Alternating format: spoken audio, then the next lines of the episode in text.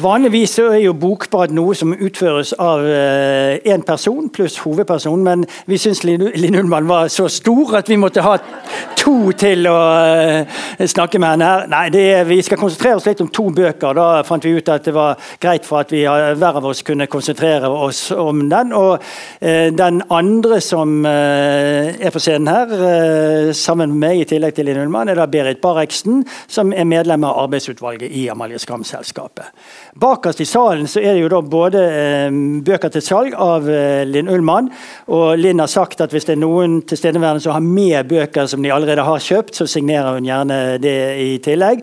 Og så står det da eh, også noen damer fra Amalie Skram-selskapet bak der som har noen bøker om Amalie Skram, og noen av de gamle årbøkene våre, hvis noen skulle være interessert. Og vi har også vår kasserer til stede, så hvis noen av de som ikke er medlemmer, har lyst til å melde seg inn i Amalie Skram-selskapet, så er de hjertelig velkommen til det etterpå. Men da eh, tenker jeg at eh, Berit skal få eh, ta litt mer av innledningen. Ja, velkommen Lille Nordmann. Veldig hyggelig å ha deg her. Veldig veldig fint å være her. Ja. Og være her. Jeg er så stolt av å ha vunnet den prisen. Akkurat den prisen. For Amalie Skrams forfatterskap har betydd mye for meg. Mm -hmm. Og betyr mye for meg på forskjellige stadier i livet mitt. Ja, mm. Det er veldig hyggelig å høre du sier det. Og jeg vet du har tatt forfatterskapet opp igjen og begynt mm. å lese henne på nytt. Ja. Det er godt å gjøre innimellom. Mm. Du debuterte som forfatter i 1998. Da hadde du vært journalist. Du har litteraturutdanning fra USA. Du debuterte altså med boka 'Før du sovner' i 1998. Da var du 32 år gammel. Du har altså eh, begått seks romaner. Og da hun fikk prisen hos oss i 2007, så hadde du skrevet fire av dem. Det er de to siste vi skal snakke mest om i kveld. Um, du har jo fått fantastiske kritikker for samtlige bøker. Hun er oversatt til 30 språk. Og du var innstilt til Nordisk råds litteraturpris nå sist for 'De urolige', som er hennes siste bok. Og du fikk altså P2-lytternes romanpris i januar 2016. Da vi eh, ga deg prisen i 2007 så hadde vi en lang juryens begrunnelse for det. Og For å bare summere litt opp de første fire romanene, så har jeg laga en liten sånn kjapp eh, beskrivelse av det vi da skrev i juryuttalelsen i 2007. Lengsler og dødskrefter finner vi igjen i alle hennes fire romaner. Linn Ullmanns romanskikkelser venter, avventer og er søvnløse i håp om å leve gode liv. I løgn, sannhet og sårbarhet lever de slik mennesker er dømt til å manøvrere seg gjennom livet. Og de har kjærlighet, derfor står de oppreist til siste runde. Verden er full av elskede barn. Hva i helvete er et elsket barn? spør Martin, og avdekker samtidig en sterk avsky mot sin egen datter. Og På et realistisk plan så er det veldig mye dystert i den romanen. Det er 'Når jeg er hos deg'. Um, og En kan spørre hvem er hos hvem når i 'Når jeg er hos deg'. Isak, faren i et velsignet barn, romanen din fra 2005. Eh, denne Isak han har et ganske eh, ja, et litt sånn ambivalent, eller både og, forhold til barna sine. Det er både nært og fjernt. Han spiller yatzy, han leser dikt og deltar i fuglebegravelser. Men raseriusbruddene hans de er berømte. Når Erika virkelig trenger han, blir hun avvist, men samtidig er det Isak som kanskje redder livet hennes. Dette er en bok om skyld og avmakt, skrev vi da. Og forholdet mellom barn og foreldre er ofte ubalanse i dine bøker, der barna tidvis tar mer ansvar enn de skal. Alle disse romanene peker framover til de to som jeg tenker vi skal snakke mest om i kveld. 'Det dyrebare' fra 2011 og 'De urolige' fra 2015. Rått og direkte, surrealistisk og naturalistisk skrev vi den gangen. Og så får jeg lyst til å legge til, med tanke på de to siste romanene dine Skakt, vondt, sårt, delvis svært dramatisk, på grensa til det absurde. Det er ekte og sant. Og jeg håper og tror at vi kommer til å finne mer ut av det i samtalen i kveld. Tusen takk for at du er kommet og er her hos oss. Tusen takk for flotte ord. Gunnar er den som nå skal uh, først og fremst konsentrere seg om den. Ja, vi har da uh, fordelt uh, disse to bøkene, og jeg har da fått gleden av å uh, fordype meg i den boken som da kom i 2011, og som heter 'Det dyrebare'. Og Da du ble intervjuet i um, Amalie Skram-selskapets årbok Eh, etter at du hadde fått prisen, så eh, var du allerede begynt å jobbe med denne boken. Eh, men du omtalte det selv i det intervjuet som 'den vanskelige femte boken'. Ellers er det jo andre boken som regnes som vanskelig. Var det noe spesielt som gjorde at akkurat denne boken var vanskelig å skrive? Um, ja, den var ganske vanskelig å skrive, men jeg tror egentlig at alle bøkene mine, bortsett fra bok nummer tre, som het 'Nåde', har vært sånn. Så, så den vanskelige sjette boken og den vanskelige femte boken. Så jeg tror at uh, hver bok er jo veldig vanskelig å skrive. For det er jo ikke noe sånn at man starter med med noe som allerede er gjort, egentlig. Det er helt på nytt igjen. Uh, og alt man har, er kanskje minnet av når man var på slutten av den forrige boken, og da fløt det, og da gikk det, og da var det en sammenheng. Da var det noe som skjedde i skrivingen. Når du begynner på ny bok, dette vet du jo, men da er man Ikke sant? Da er det, det er ingenting. Det er ingenting. Bortsett fra kanskje en eller annen sånn vag uh, fornemmelse av noe som bare Hvis man skal sette ord på hva det er, hva slags bok man skriver, så så hvis man setter ord på det, så ser jo folk bare rart på deg, for det høres jo ikke ut som det er noe i det hele tatt. Så derfor så setter man ikke ord på det. The, the stories you tell you never write, sa Gertrude Stein. Men det var jo ikke svar på noe om det dyrebare. Jo, det var en vanskelig bok å skrive. Um, tanken var å skrive det, Tanken var å skrive eh, om faren min som nett altså Faren min var nettopp død da jeg fikk den prisen i 2007. Han døde en uke tidligere, eller noe sånt. Og jeg hadde en eller annen tanke om at jeg skulle skrive noe, for jeg hadde gjort noen intervjuer og samtaler med han. Um, men så, så, ble det ikke den boken, da. Så den som dør i den boken, er eh, en mor. Ja. Og det ble en annen historie. Jeg skal si litt om handlingen for de som da eh, ikke måtte eh, ha lest boken ennå. Det er sikkert en del i salen som har gjort det. Uh, og altså, Forlag skryter jo alltid veldig mye når de legger inn sånne sitater og kritikker i, i en uh, nyutgave her, da. men uh, det er jo ingen tvil om at den boken ble internasjonalt mottatt grandiost. I USA så ble den kåret til en av de 100 notable books of 2014 i New York Times Book Review, som er noe av det høyeste. Et annet sted er det en av 50 beste bøkene i dette året. Og tilsvarende omtale og kritikker får du i Sverige, i Danmark Danmark, i Norge. Så dette er jo og jeg må også si det, uten å sitte her og skryte av min eh, medsamtalepartner her, at dette er den beste norske romanen jeg har lest på noen år. når jeg leste den eh, om igjen nå. Da. Det er en fascinerende fortelling. Den er glitrende eh, komponert. Og det er så velskrevet og med så gode karakterer og så tydelige, tydelige situasjoner at det er imponerende arbeid. Det må jeg ha lov til å si. Og, det, nå kan jeg bare gå hjem og få det fra deg. Nå ble jeg veldig glad. Nei, for nå kommer spørsmålet. Nå kommer spørsmålet. Ja. dette jo, ligger jo også ganske tett opp på en kriminalfortelling. Mm. For Den begynner med at uh, Jenny, som hun heter, som da er en uh, bokhandler og en kvinne, uh, 75, hun skal feire sin 75-årsdag. Hun har ikke drukket på 20 år, men så begynner hun å drikke i anledning 75-årsdagen sin. Det er en liten, det er en liten prolog. Så kommer neste kapittel, som egentlig er det første kapittel. Der er en liten, eh, noen guttekamerater som er ute eh, på sommerferie nede Jeg er ikke helt sikker på om det er Vestfold eller Sørlandet eller dette. Du har ikke angitt noe sånn helt geografisk der. Mm. Men så går de ut i skogen og leter etter en skatt som de har gravd ned. Og så finner de i stedet liket av en ung pike. Uh, og dette er jo den perfekte åpning på en kriminalroman. Men så tar du da steget Men de skjønner jo med en gang hvem denne piken er. For det var da en eh, barnepike i den familien som vi etter hvert skal bli kjent med, som da forsvant to år tidligere.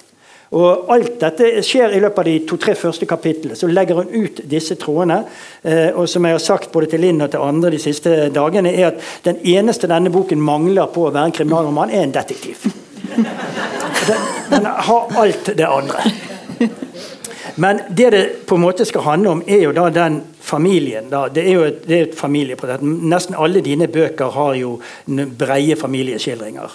Og uh, i, uh, i, Når vi da møter de som er hovedpersonene, så er det da en mann som er forfatter, og som driver og sliter og sliter på å få ferdig en bok som han aldri blir ferdig med. Mm. Det er hans kone, som da driver to gourmetrestauranter. En i Oslo og en nede på dette stedet i Vestfold på Sørlandet.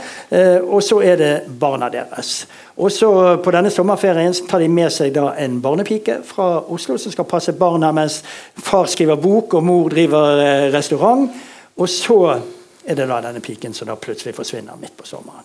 Og Både hennes ankomst og forsvinningsnummer er jo med på å lage en veldig ubalanse i uh, situasjonen. Uh, dette er så mye som jeg har lyst til å røpe om handlingen i, uh, i boken, men den jeg garanterer dere når dere begynner å lese denne, så legger dere den ikke fra dere. Det blir en av de nettene dere leser til klokken to og tre om natten for å se hvordan det egentlig ender.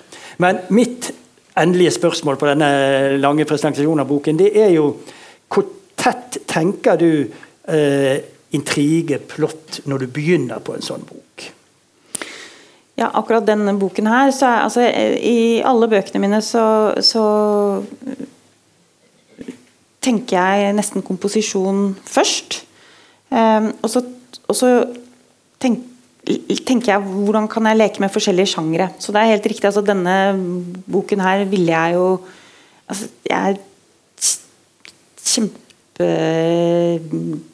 inspirert av og imponert av og leser kriminallitteratur. Og eh, fan av den gode kriminallitteraturen. Og, og, ville bruke elementer av kriminallitteraturen i denne boken, som skulle handle om forsvinning. Det var egentlig det eneste jeg visste om denne boka, at det skulle handle om forsvinning. Og jeg tenkte jeg visste, var at det var en familie, og det kom inn en barnepike. Og, og, og hva skjer hvis hun forsvinner?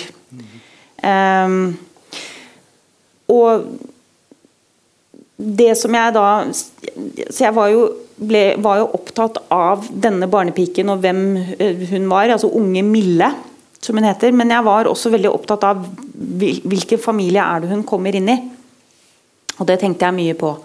Uh, og det er jo helt riktig som du sier at det er jo ikke bare forsvinningen hennes som, som, gjør noe med denne familien for resten av livet, men det er også det at hun kommer inn i en familie som er knekket på mange måter. Altså som er, som er ødelagt.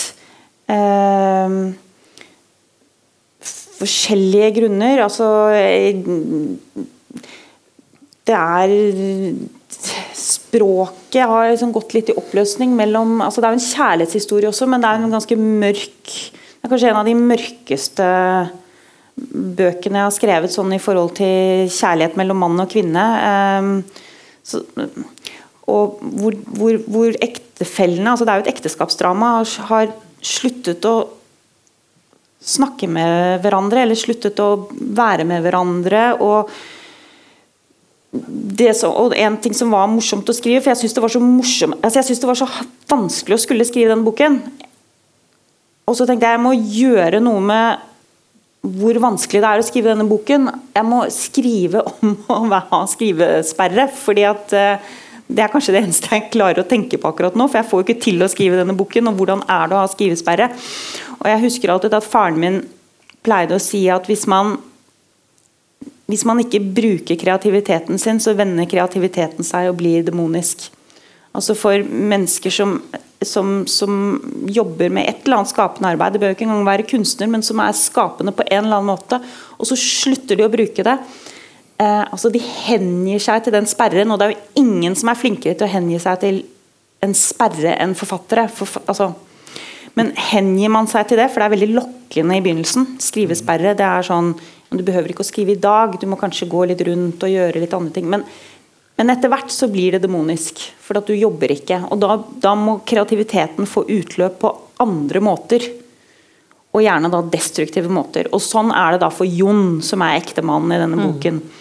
Han blir veldig lite kreativ med boka si som han skal skrive, men blir ekstremt kreativ på å ha diverse kontakter med andre kvinner på SMS og mail. Og, altså, og, det er jo historier.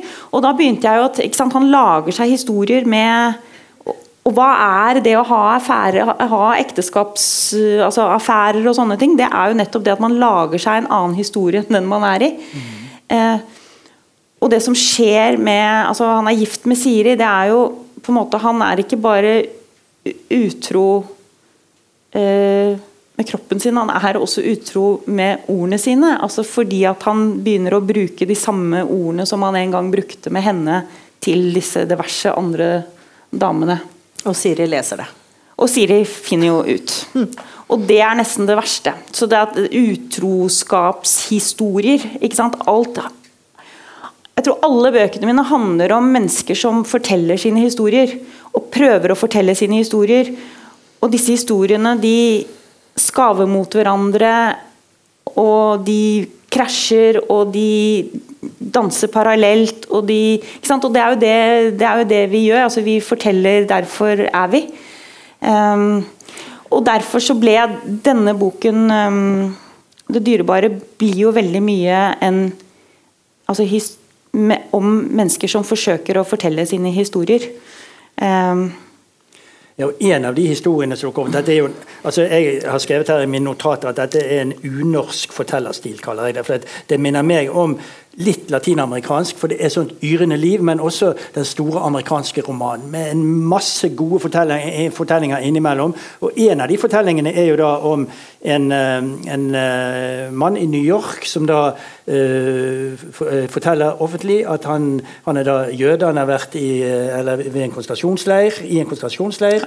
Og så er det en liten pike som da kommer utenfor og kaster et eple over til ham i konsentrasjonsleiren. Mm. Men så viser det seg at dette er bare noe, dette er løgn. Det er bare noen har diktet opp. Ja, det er fakt ja, mm. Og det er jo en Men dette er en, det er en sann historie. En sann historie Den har, som har alltid fascinert meg. Vi har hørt, vi har hørt ja, altså Det er jo igjen om disse historier Altså den, Det er bare en historie som alltid har fascinert meg. akkurat, altså at, øh, Og folk ble jo veldig sinte på denne mannen fordi at han hadde Dette er en mann som hadde overlevd øh, nazistenes eh, konsentrasjonsleir. Mm.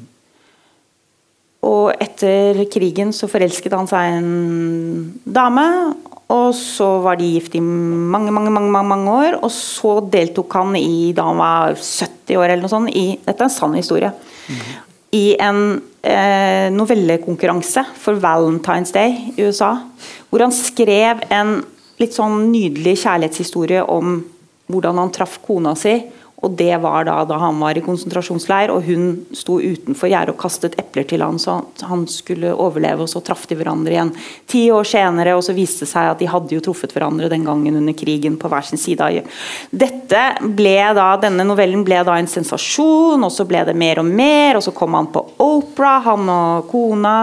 Ikke sant? Og så, så ble det, og så ble det jo da oppdaget at akkurat den delen av historien var ikke sann. Og så ble det Folk ble så rasende, så han måtte gå ut Så det ble et sånt raseri. Men jeg tenker jo litt sånn akkurat som Jon i boka, men altså, hvorfor kunne han ikke få lov å Jeg mener Uh, vi lager jo alle våre historier. Er lov å være i fiksjonen. My, mye, ja. er, mye, er, fiksjon, og alle bøkene dine heter jo uh, roman. Eller altså en sjangerbetegnelse roman. Uh, men i hvert fall når vi kommer til det urolige, som Berit skal snakke med deg om, så, så er det jo helt klare elementer av selvbiografi. Og, og du er jo du er selv forfatter, du er gift med en forfatter. Når du skriver om forfattere med skrivesperre, så vel, henter du vel noe ut fra en egen erfaring eh, der?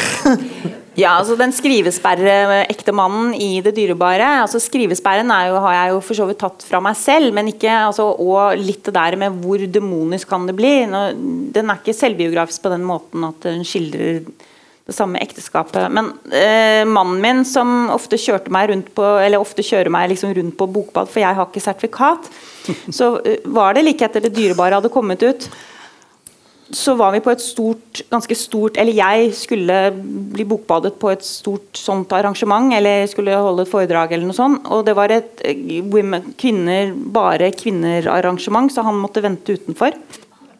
Og så var det etterpå så kom jeg ut og skulle signere bøker, og sånn, og så satt han da bare ventet. Han skulle bare kjøre meg hjem, så kom det en stor, tykk dame med topp i håret, og så kom hun bort til mannen og så du er han der på loftet, altså, som driver på! For da Jon i boka sitter veldig mye på loftet og SMS-er disse damene, da. Så eh, vi må jo Ikke sant. Må skille fra det, ja. Men, men, men uh, Hvorfor fortalte jeg Du har dedikert den til Nils? Har, det er jo et modig valg, syns jeg, med en sånn roman. Bare det. Å dedikere den til mannen min? Nei, kanskje ikke. Nei, men han, han altså, det var uh, Nei, men alle altså, bøker alle bøker er, altså alle mine bøker er selvbiografiske på en eller annen måte, men ikke alltid på den måten man tror. og Det gjelder også for så vidt den siste. Så eh, det er klart at den, den siste boken er, er, har åpenbare altså selvbiografiske trekk som også andre kan gjenkjenne. ikke sant? Fordi og jeg mener, det, det, nekter jeg jo ikke for, og det sier jeg sånn også. Men det, men det, er også veldig mye selvbiografiske ting som kanskje bare jeg vet om i de tidligere bøkene. Ja. Og, og, fiksjoner i, i, den siste som, mm. som, som bare jeg vet om, holdt jeg på å si. Altså, som også altså, Skriving handler jo Du sa noe om komposisjon. altså Skriving handler så mye om komposisjon. Sånn at diktning starter jo i det øyeblikket du trekker pusten, eller det øyeblikket du setter et komma. For hvorfor setter du komma der og ikke der? Hvorfor er det en liten stillhet der og ikke der? Hva er det som er med, hva er det som ikke er med? Altså I redigeringen, i klippingen, i hvor du velger å ha kamera, hvis jeg kan ta noe fra en annen altså, sånn, Hvor du velger å se, da, hvor du velger å og det, det, står det jo for så vidt også i den siste boken. altså Det er det, er det som fortelles.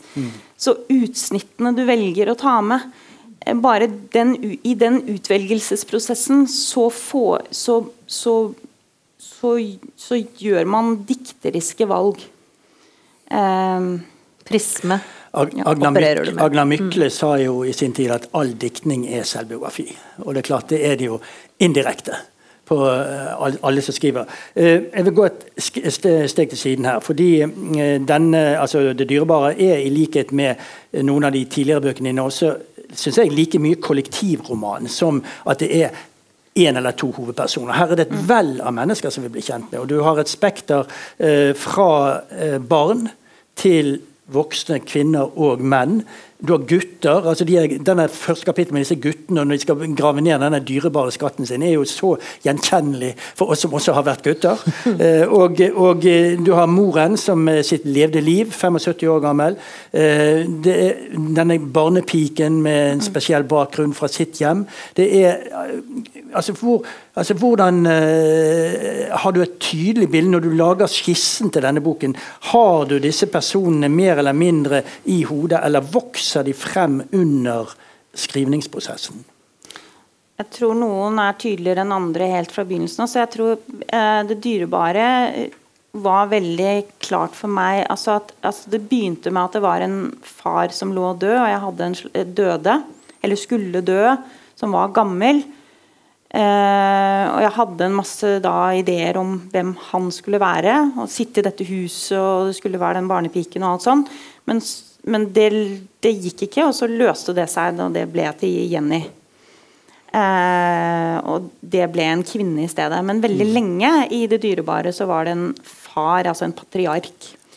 Eh, en av de personene som jeg hadde klarest for meg i da jeg skrev 'Det dyrebare', som jeg på en måte visste at jeg ville gå videre med. Og som jeg faktisk skrev et ganske sånn langt manus som aldri ble noe av, og som aldri ble bok, det er, det var, det er, det er den unge jenta, altså den eldste av de to barna i den mhm. familien, hun som heter Alma. Mm -hmm. eh, som er den litt sånn sinte, elskende trengende, rare jenta. Mm. Som, som um, gjennomskuer foreldrene sine ganske mye. Altså, som ser dem, altså, som har et veldig klart blikk. Og som, ganske, som, på mange måter er ganske uforskammet, men som også forelsker seg litt i da, denne unge Mille som skal komme og passe på mm. familien.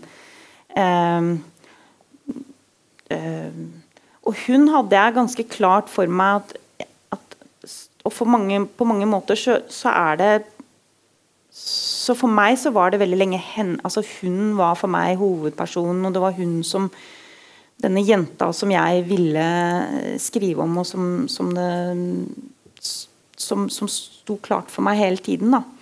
Um, og Mille altså det, Alle har jo noe til felles i den boken, for de reagerer jo alle da på Mille, altså denne barnepiken. altså de, Hun kommer inn, og alle har en reaksjon på henne. alle har en, altså Det skjer noe i følelseslivet til alle. Eh, Jon, altså denne fatteren forfatteren med skrivesperre, som, altså han blir jo litt betatt av henne. Og hun, Mille blir jo betatt av han. Eh, Siri, som er denne mm, kona som skal prøve å få alt til å gå rundt hele tiden, og som, som har pusten oppi her. Um, hun, hun jo bare, blir jo bare sint på Mille. altså Føler et slags sånn uh, Sånn som man kan føle av og til. altså Man kan bare se noen, og så se sårbarheten deres. Se liksom klossetheten deres, og, og bli bare veldig sint. Um, så Og Jenny påstår vel at hun nærmest ikke legger merke til henne. Så Jenny, den damen på 75, ja, 75 år gamle, hun som begynner å drikke på 75 altså på, etter 20 år. Så alle har eh, liksom sine sine sine blikk på Mille, og gjennom det blikket så fortelles det jo også en historie om hvem de er. Altså Når vi ser noe Det er jo når vi ser noe at, og når vi, som, som, forteller noe om hvem vi er. Det mm. forteller jo ikke bare om den vi ser på, det forteller veldig mye om hvem vi er. Og Du ser jo med et veldig skarpt blikk, for dette er jo en veldig visuell bok. her. Altså du, du, alt, alle personer, steder, tegner du veldig tydelig frem for oss. Dette er stedet som heter Mailund, der mye av handlingen foregår, som jo er et stort hus nede på Sørlandet skråstrek Vestfold. Det, har det også jeg si, har det en levende modell, eller er det noe du bare har diktet fra ditt hode? Det er på mange måter sånn Agatha Christie-hus, eh, ja. Nei, det var fordi Nei, det, det har jeg diktet frem. Fordi ja. at det kunne ikke egentlig være et sted som var et sted Jeg har jo noen steder i mitt liv som Altså i min erf erfaring som, som dukker opp i, i, bøkene mine, og som er et sted som er et konkret sted. Um, Hammars og mm. Fåre, som er, heter Hammars og Fåre i uh, De urolige, minner jo ganske mye om den fiktive øya Hammarsjø i, i um, Et velsignet barn. Men, eh, men akkurat Mailund var, er, en lands, er en mer en sånn eh,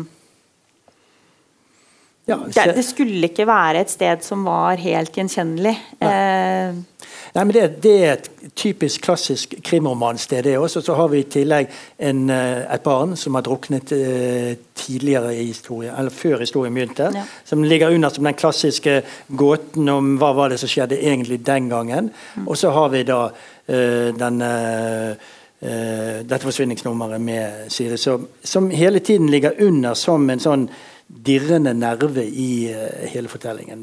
Så får vi jo et stykke ut i boken vite egentlig hva som skjedde med henne, men så er vi ikke helt sikre på om det heller er den, uh, det rette svaret. Og om det er det, det må dere lese boken ferdig for å finne ut. Og vi men, får jo egentlig men, aldri noe svar på du har det. Jo, du har jo dette med med uh, en far i Sverige her også. For dette er da uh, eksmannen til Jenny, moren her. Han uh, bor på en øy i Sverige og har dødd. Mens moren ja. da er igjen i, i Norge. Det, det hadde jeg fortrengt. Det, ja. Sånn er det, ja. Det, jeg tror til og med ekteparet Siri og Jon tar en svipptur til Gotland. Ja, ja. Og så er det også, som skal vi bruke som en litt Og vil ikke være der. Eller Siri vil absolutt ikke være der. Ja, en, en, interessant overgang til når vi nå skal begynne å snakke om uh, de urolige, det er jo at Jenny uh, er jo på slutten av sitt liv i uh, denne boken. Hun har da en en venninne eller en oppasser, eller hva vi skal kalle det. En kvinne mm. som hun bor sammen med, og som hjelper henne i hverdagen og passer på. Og En av delene i boken den heter da 'Omelett klokken ett'. Og Når man da leser de urolige etterpå, så får vi også se at uh, din far i den boken han får også omelett klokken ett hver dag, med et glass rødvin til. og det, Der ser vi i hvert fall et element av noe som du har hentet helt konkret fra noe som vi, når vi leste den boken i 2011, ikke ante at din far uh, hadde sett uh, eller sagt når uh, han levde i den siste fasen av sitt liv. Og La det være broen over til mm. de urolige, og så får ja. vi se om vi kommer tilbake litt. Etter. Takk for det, Gunnar. Det er jo både, som du sier, omelett klokka ett, og det er noen hvite joggesko som er veldig sentrale, og det er noen hus. Og det er også noen passasjer der du sier noe veldig konkret. Så kanskje Mailund var et hus som bygde i høyden, mens Fårø er et mm. hus som bygger i lengden, kan man jo si. For, for de som vet og ser eh, for seg det huset. Mm. Linn Ullemann, du er født i 1966. Hmm. Jeg skal ta deg litt tilbake, og jeg skal uh, si deg såpass mye at du har også vokst opp delvis, får vi si. For du har jo bodd mange steder i ditt liv, det vet vi. Men du har vokst opp bare et steinkast fra mitt barndomshjem. Og denne dama her, hun ble døpt den dagen jeg ble født. 5.6.1968 så fikk du navnet Karin Beate. Karin etter din farmor. 5. Juni, hvordan visste du det? 5. juni vil jeg tro, hvis vi skal lese denne romanen bokstavelig, og det skal vi vel? Ja. 5. juni 1968 står det i De urolige. Ja, ja, at du fikk navnet Karin Beate. Karin etter din farmor. Beate etter din mors favorittdokke. Og vi skal vel ta dette litt på alvor? Og vi bar... Ja, Man skal jo ta alt på alvor, men ikke alt um... Nei. Kanskje det var et element av fiksjon, som hun sa? Her, ja, her dikter jo jeg da videre nei, nei. og sier men, at uh, vi bar begge vårs fars punktlighet inni oss. Mm. Din far var filmskaper og veldig god på både tid og sceneskift. Min var urmaker og også ganske god på tid. Ja, herlig. Eh, men dine og mine foreldre de er altså så diametralt forskjellige at der stopper også alle sammenligninger. Det å lese Det utrolige var for meg som en antropologisk reise. Er det mulig, har jeg tenkt så mange ganger gjennom den romanen. Hvordan klarte hun seg, den derre lille jenta med alle de kallenavnene?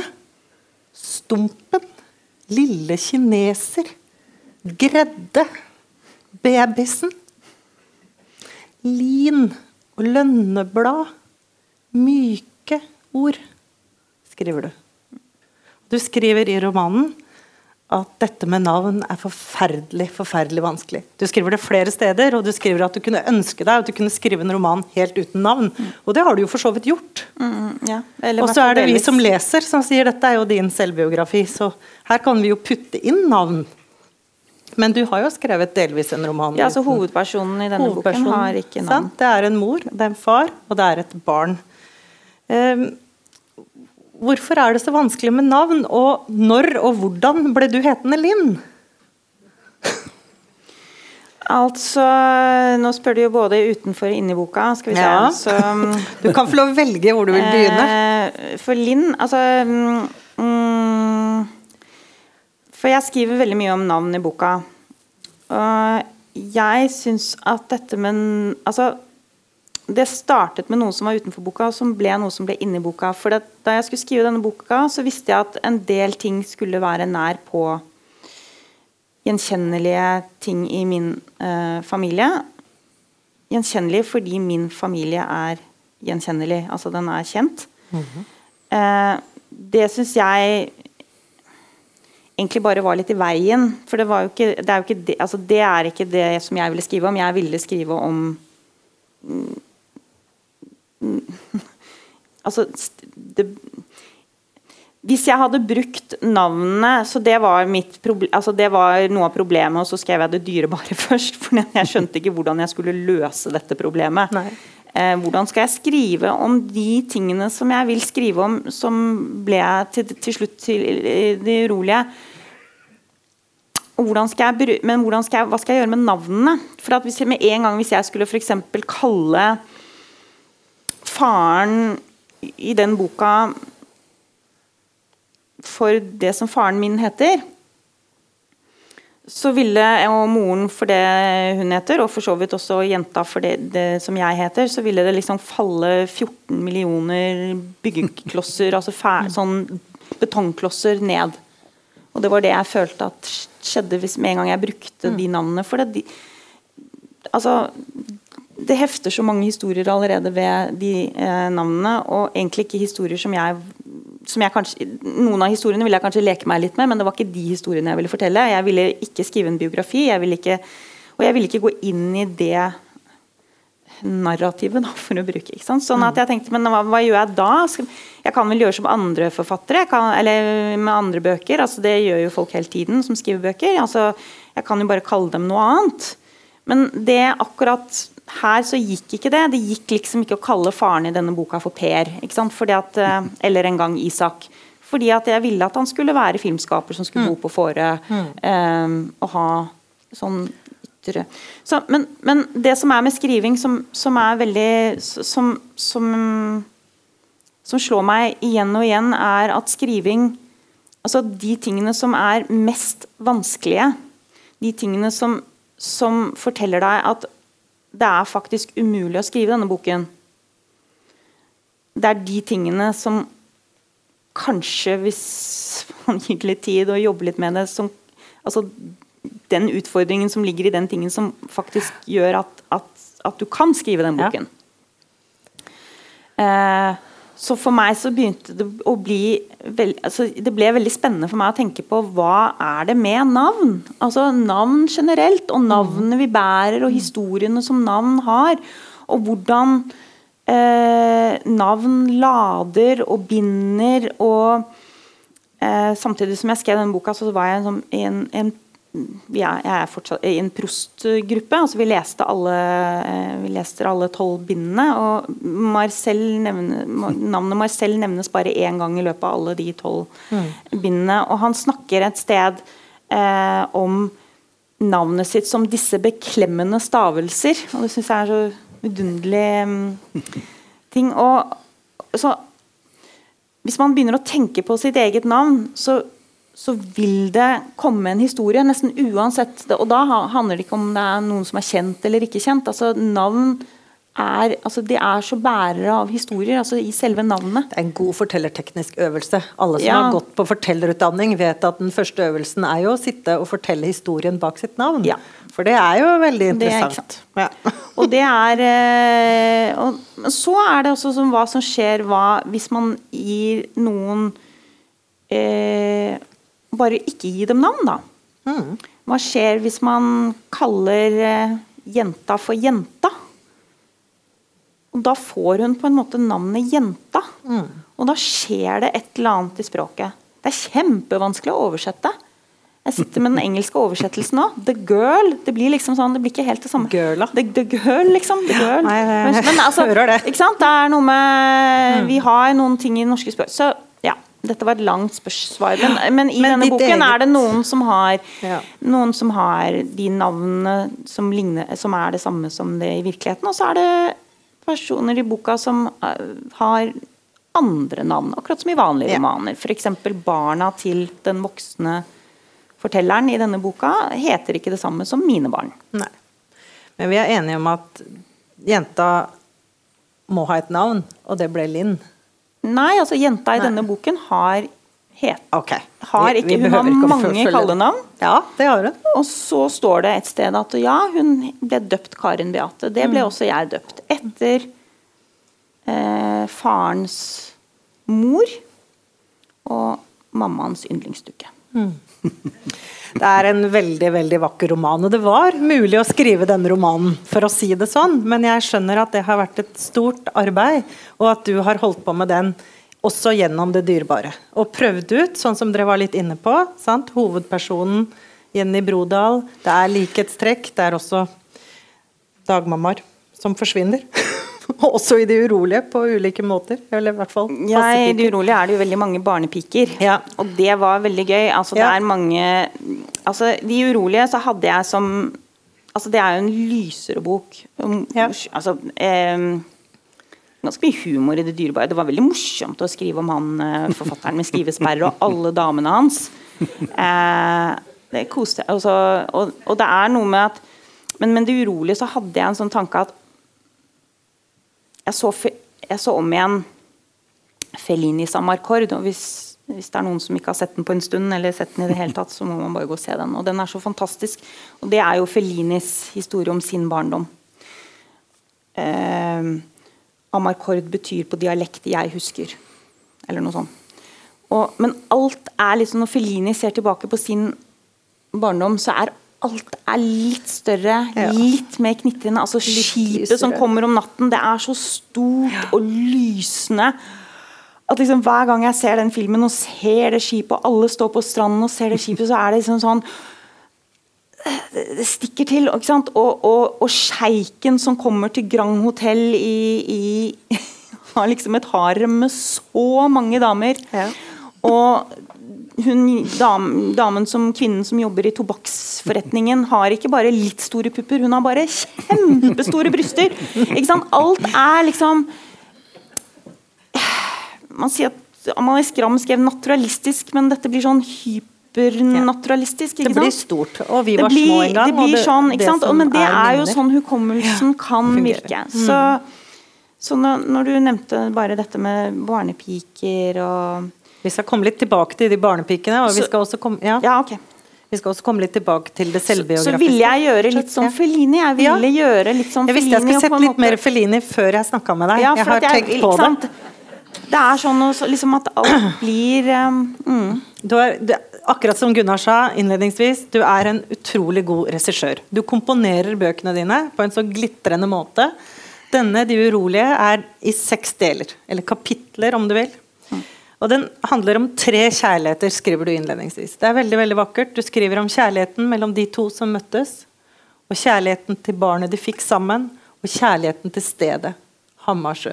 Det er en veldig veldig vakker innledning, der du kommer inn på nettopp det prismeaktige som du snakka om ved det dyrebare. altså det er minner, det er hva vi ser, det er hva vi tar med oss. Og det er helt fantastisk. Og det er også en sånn Du er jo komponist, tenker jeg, for det er en sånn musisk streng som går igjennom boka. Du starter med Hammarsjø preludie, og du siste sats det er altså en gig. En dans fra 1700-tallet. Engelsk og fransk, har jeg skjønt. Men, altså, ordet er både engelsk og fransk, men altså en engelsk dans fra 1700-tallet. Også den siste cellosuiten. Ja, nettopp. Så dette må du fortelle. Hva, for her er det noe cellosuiter, skjønner jeg. Eller det er noe som altså, Du har jo komponert først og fremst, og så begynner diktningen, som du sier. Men du har jo bestemt deg for noe her? Liksom, altså jeg tror at uh, det er helt nødvendig å lage en arkitektur eller komposisjon mm. før man skriver noe. Altså det er liksom å finne formen og finne stemmen. Altså et, en plott eller en roman eller en bok uten stemme, uten form, altså det er jo Det er jo ikke noe. Altså en god historie er um, ingenting uten stemme og mm. form. Ja. Eller arkitektur. Eller en komposisjon. Mm. Um, var det det du spurte meg om? Ja, nei, Det er jo det at du har laga en komposisjon her, og det musikalske. Så hvis du har lyst til å si noe om Bach, for det vet jeg du har sagt i et intervju, men jeg hvis du vil fortelle Ja, altså det var, var mer sånn for meg, altså fordi at jeg tenkte Altså Denne boken, 'De urolige' Litt som flere av bøkene mine, men 'De urolige' kanskje enda mer handler om uh, forskjellige måter å huske på. Mm. Og handler om hukommelse, og hva er vi med Altså hukommelsen som den store historiefortelleren, da. Ja. Uh, jeg leste mye om hukommelse sånn, og, ble veldig nysgjerrig på hva, men hva er det jeg husker. Og det tror jeg at jeg ble nysgjerrig på fordi at faren min uh, glemte det meste da han uh, ble veldig gammel. Mm. Eh, og han var en som alltid husket alt. Altså, han var en så klar hjerne. Eh, og da begynte jeg liksom å lure på liksom, hvem er jeg da, hvis han har egentlig glemt meg? Um, og hva er våre minner hvis han har glemt dem, og hva skjer hvis jeg glemmer altså, sånn, Jeg begynte å tenke veldig mye på den hukommelsen. Altså, vi er jo også veldig mye det vi husker, men det vi husker, er så ut hukommelsen er er så, er så skapende og kreativ og rik, men den er også ekstremt skjør og upålitelig. Altså, vi husker, altså De historiene vi husker, altså, det er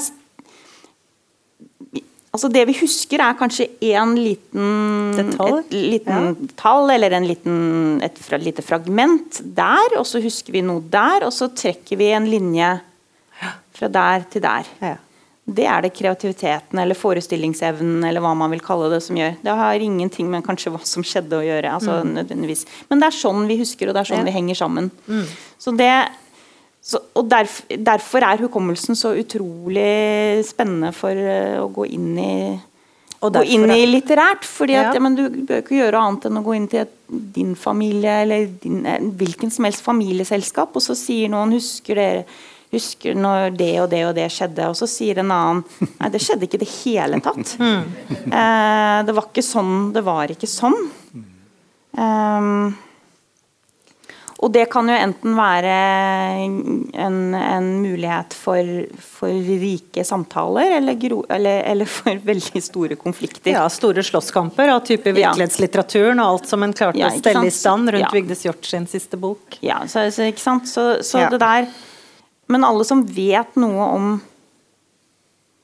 Det er derfor den debatten rundt Vigdis Hjorts siste bok og hele den debatten vi har hatt om virkelighetslitteratur, blir så For at premissene for den debatten er så den er så kunnskapsløs, den er så ignorant av hva det er å skrive, hva det er å skape. Det at vi alle faktisk driver og husker og forteller og skriver altså hele tiden. Det er ikke Den boken der, 'De urolige', åpner jo med at hvis det fantes et teleskop hvis det fantes et teleskop som kunne, man kunne se Ja. bakover i tid, da kunne vi stilt oss Ja. opp sammen og sett.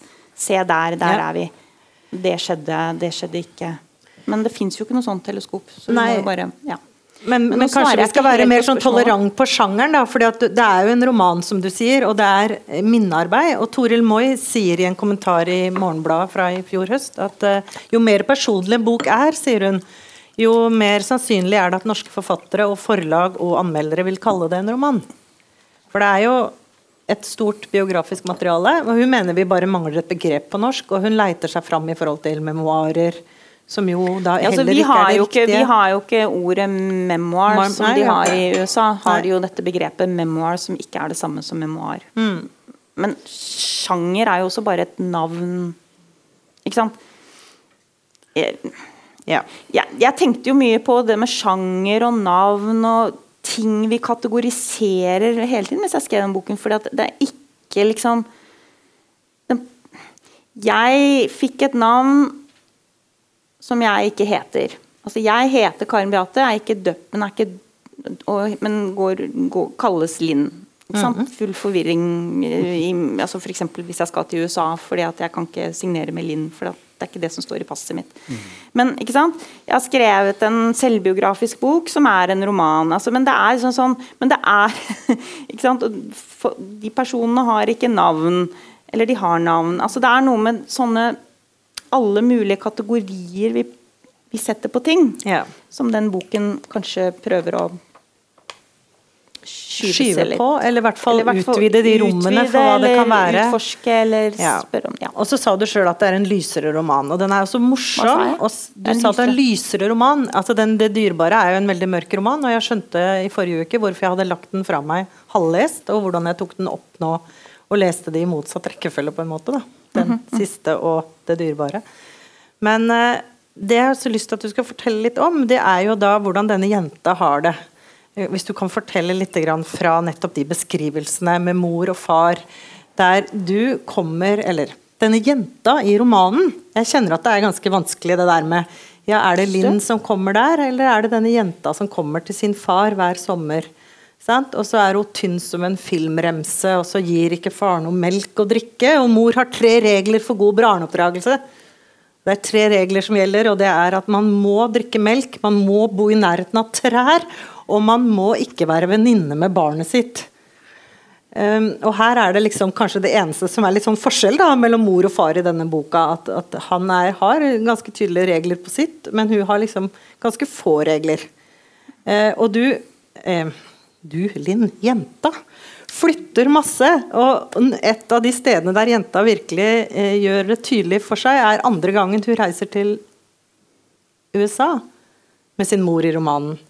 Da blir hun plassert to timer nord for New York eh, med to svenske barnepiker. Fordi hun overhodet ikke må være på Manhattan.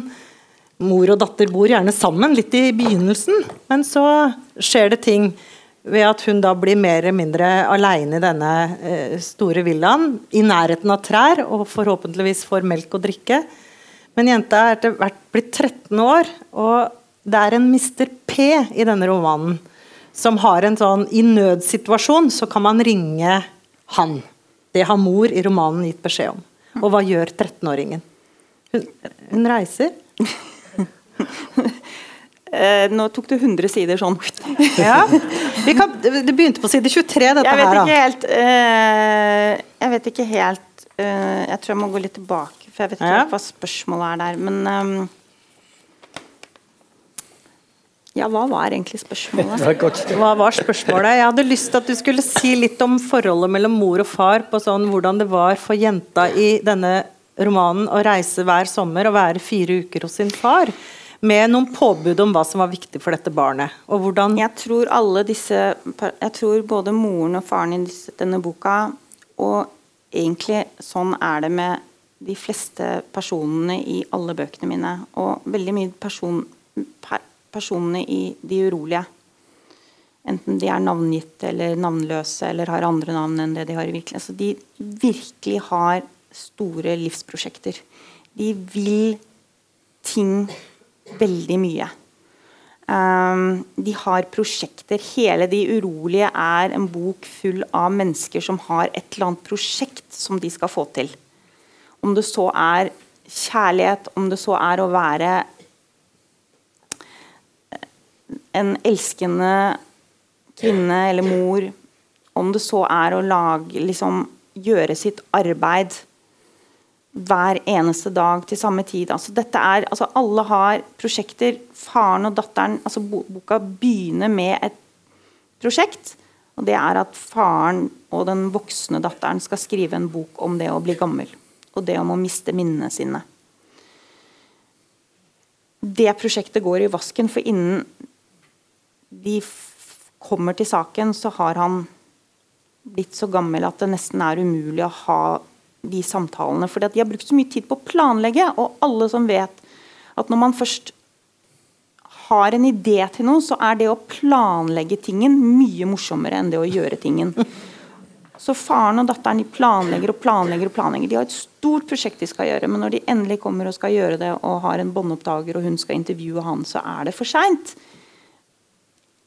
Og sånn er det, og det blir for så vidt et mislykket prosjekt.